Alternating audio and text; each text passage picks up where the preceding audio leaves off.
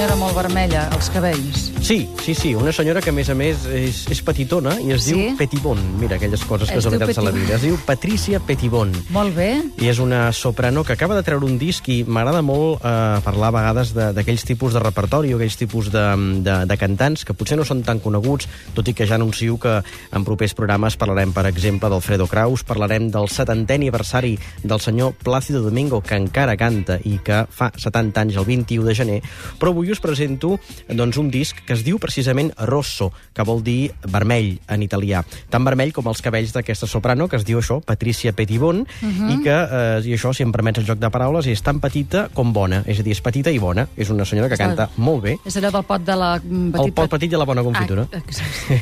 Estem cansats, sí, jo, jo, jo, jo ho entenc, jo t'entenc. Va, que la sentirem, aquesta La senyora? sentirem, sí. sí. Sí, sí, sí, la sentim amb un fragment eh, d'una òpera de Handel que es diu io pianga, que vol dir Deixa'm que plori, d'una obra que es diu Rinaldo, i és la vocació d'una dona abandonada.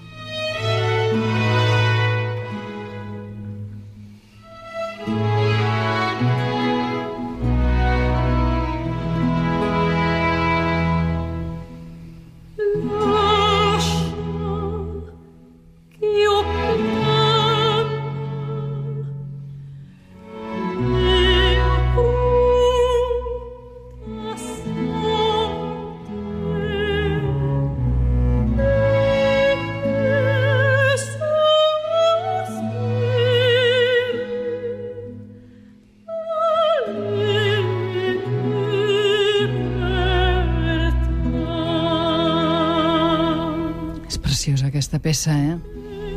Té com una melangia, una Exacte. tristor, una profunditat, no? És la dona que canta l'abandó del seu amant que l'acaba de deixar. Ella és ermida i veu com el seu enamorat se'n va, la deixa. I aleshores ella diu, deixa'm que plori la meva crua sort. És un fragment molt bonic, que a més a més és un fragment que s'ha fet servir en alguna pel·lícula. Per exemple, jo voldria recordar un fragment d'una pel·lícula molt bèstia que es diu Anticrist, que va dirigir uh, aquest director del, del Dogma, aquest director uh, danès, uh -huh. um, i del el Lars von Trier, que al principi de la, de la pel·lícula uh, mostra com un nen mor i en aquell moment, paral·lelament els seus pares estan fent l'amor i pel descuit de que, que no l'estan vigilant el nen cau per la finestra i es mor. Doncs bé, sona en aquell fragment, en aquell moment sona aquesta música. És una música preciosa, però unes imatges tan precioses com, com terribles. Canviant de registre, ara anem a Vivaldi, que també És una veu eh, s'inclou- Veu més. preciosa, Però és, preciosa. és, eh, sembla com un pèl de mezzo, no? O no? Bé, perquè és una dona que té, en diríem, molts harmònics, és a dir, és una dona Ah. que té una riquesa amb la veu que fa que mm, pugui baixar també a tessitures extremes del, de, del, dels greus, tot i que és, un, és soprano, eh? tot i que té un registre molt ampli. I també és molt versàtil. Ara la sentirem amb un altre fragment d'aquest disc, que, insisteixo, es diu Rosso, que vol dir vermell en italià, eh, un disc que edita el segell eh, Deutsche Grammophon amb el protagonisme de Patricia Petitbon. En aquesta ocasió, amb una obra de Vivaldi, d'Antoni Vivaldi, que és un compositor que coneixem pels seus concerts per a violí, Sí. les quatre sessions, etc, però que va escriure unes 70 òperes, entre d'altres una que es diu l'Olimpíade, l'Olímpia, eh, amb un fragment, aquest que sentirem, que es diu Siam navi all'onde al gent, és a dir, som com naus agitades per les ones, eh, en què precisament Vivaldi comença amb un breu passatge que evoca de manera més o menys descriptiva l'anar i venir de les onades.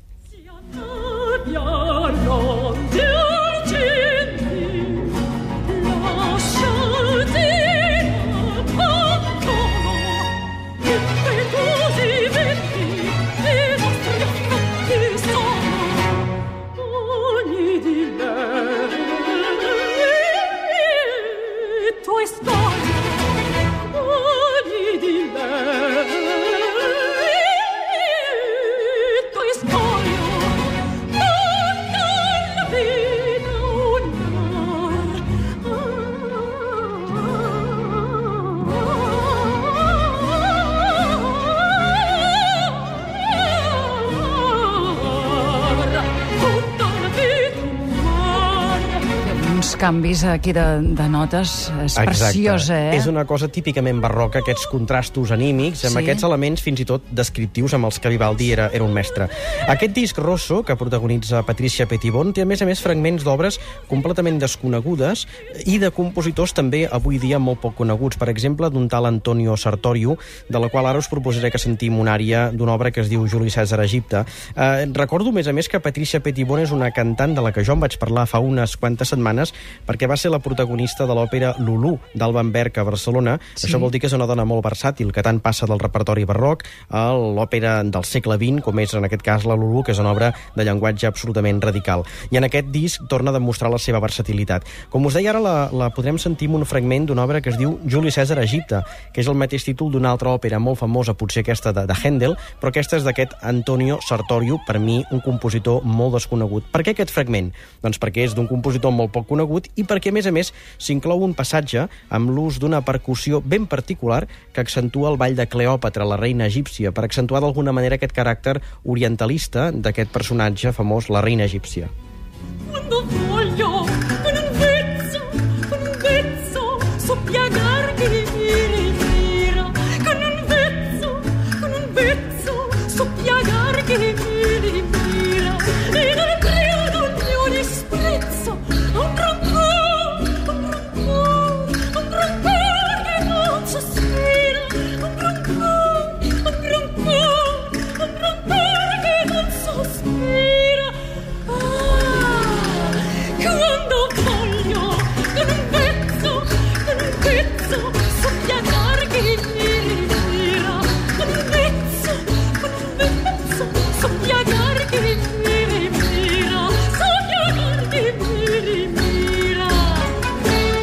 sembla? Picardia, erotisme, sensualitat... Hem d'anar a comprar el disc ràpidament, eh? Insisteixo, es diu Rosso i pot ser una molt bona compra ara que han passat els regals de Nadal, de Reis, doncs mira, per les rebaixes, un disc que no està malament. La veritat és que, Jaume, trobo que et trobem a faltar quan no hi ets, eh? No facis més Dona, vacances. d'aquí a vuit dies hi torno. Perquè sempre ens portes allò mm, com tastets, mm, unes perles fantàstiques, eh? Doncs mira, la setmana que ve passem d'una senyora per, allò amb els cabells tintats de vermell, la setmana que ve a una senyora que acaba boja, boja, boja, Sí. Que I- es diu Anna Bolena, Ah, ah, perquè serà ah. l'òpera que veurem al Liceu d'aquí a fi una setmana, una mica més. Molt bé, Jaume Radigales, moltíssimes gràcies per tornar-nos a portar aquests moments d'òpera. És el nostre professor, a més a més, eh, aquí al Secret, de la Universitat Ramon Llull també, i el podeu sentir a Catalunya Música els diumenges, no? Una tarda a l'òpera. Sí senyora, a les 4 de la tarda. Gràcies, i nosaltres també, per la nostra banda. Avui amb aquesta senyora i el Rosso, eh? Doncs ens acomiadem. Tornarem demà a partir de les 4 a compartir tota la tarda, com cada dia del món. Som el secret. Fins demà. Adéu-siau.